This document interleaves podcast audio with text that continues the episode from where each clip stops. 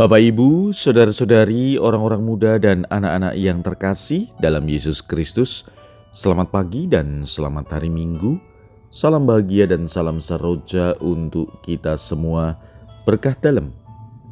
Bersama dengan saya, Romo Antonius Garbito Pambuaji, menyampaikan salam dan berkat Allah yang Maha Kuasa dalam nama Bapa dan Putra dan Roh Kudus. Amin. Marilah kita berdoa. Ya Allah, dalam diri putramu engkau berkenan mengalirkan damai sejahtera bagi kami. Semoga kami pun selalu rela dan siap sedia menjadi utusanmu untuk mewartakan damai sejahteramu bagi setiap orang yang kami jumpai. Sehingga semakin banyak orang yang beriman kepadamu dengan pengantaran Kristus Tuhan kami yang bersama dengan dikau dalam persatuan Roh Kudus, hidup dan berkuasa Allah sepanjang segala masa. Hari ini Minggu 3 Juli dalam hari Minggu biasa ke-14.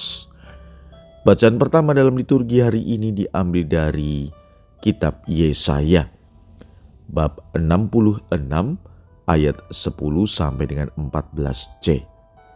Bacaan kedua diambil dari surat Rasul Paulus kepada jemaat di Galatia bab 6 ayat 14 sampai dengan 18.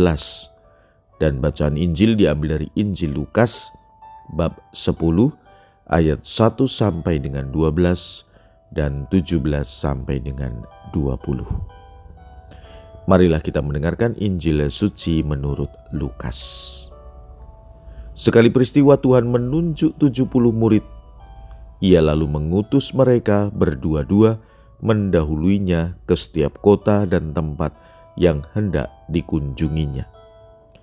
Katanya kepada mereka, Tuayan memang banyak, tetapi pekerjanya sedikit.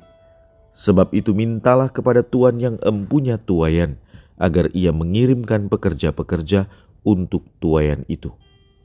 Pergilah, camkanlah, Aku mengutus kamu seperti anak domba ke tengah-tengah serigala. Jangan membawa pundi-pundi atau bekal atau kasut, dan janganlah memberi salam kepada siapa pun selama dalam perjalanan.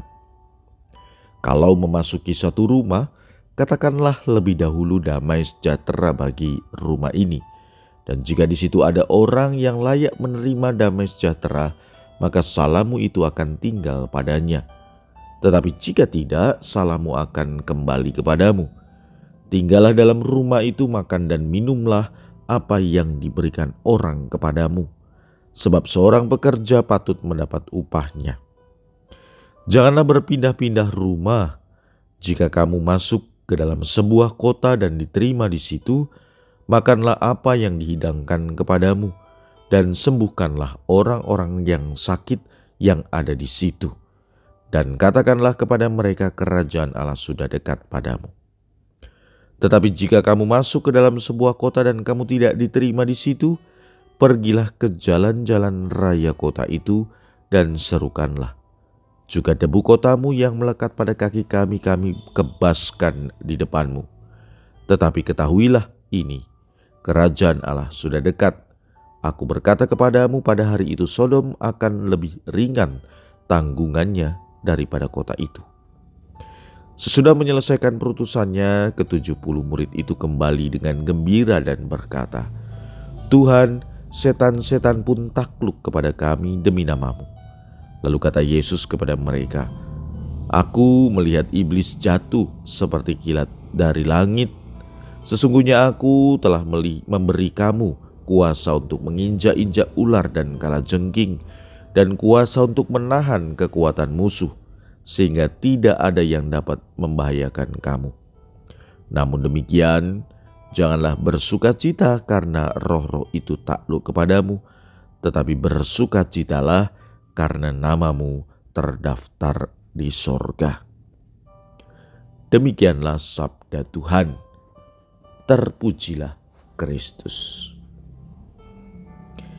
Dalam bacaan pertama hari ini, saudara-saudari, Yesaya membangkitkan sukacita dalam hati semua orang yang mencintai Yerusalem dan semua orang yang pernah atau sedang berkabung karena Yerusalem.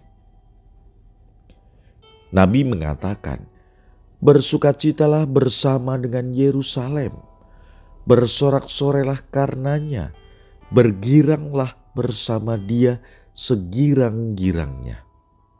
Mengapa?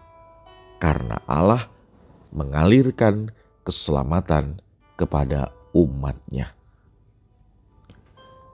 Keselamatan yang dialirkan Allah ini menjadi lebih nyata tatkala Yesus mengutus murid-muridnya mewartakan kerajaan Allah, menyembuhkan orang sakit dan membawa damai.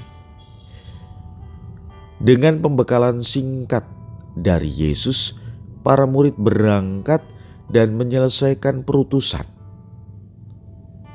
Ternyata mereka sukses.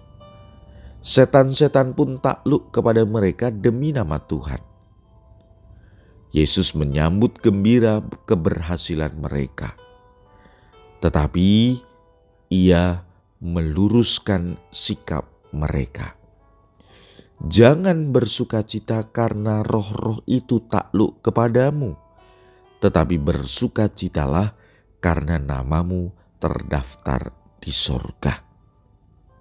Saudara-saudari, kita sebagai gereja mendapat tugas dan perutusan yang sama, melanjutkan karya perutusan yang diberikan oleh Kristus Yesus, mewartakan, menyembuhkan, dan membawa damai. Semoga dalam kehidupan kita sehari-hari, kita dapat melaksanakan pesan sabda Tuhan hari ini. Mewartakan sukacita, bukan memberikan kabar-kabar hoax atau kabar-kabar negatif, tetapi kabar-kabar kebenaran. Menyembuhkan berarti kita diajak untuk senantiasa mendoakan, hadir bersama dengan mereka yang sakit, menderita, dan lemah. Semoga kehadiran itu membawa sukacita kepada mereka. Membawa damai berarti bukan peperangan, bukan permusuhan, dan tidak menjadi batu sandungan. Semoga pesan sabda Tuhan ini dapat kita laksanakan dalam kehidupan beriman kita. Marilah kita berdoa. Allah Bapa yang penuh kasih, kami bersyukur karena telah kau panggil mengambil bagian dalam perjamuan sabdamu. Kami mohon, teguhkanlah kami dalam melaksanakan perutusanmu untuk mewujudkan kerajaanmu di dunia sambil terus mengharapkan datangnya kerajaanmu yang abadi. Berkat Allah yang Maha Kuasa, dalam nama Bapa dan Putra dan Roh Kudus. Amin.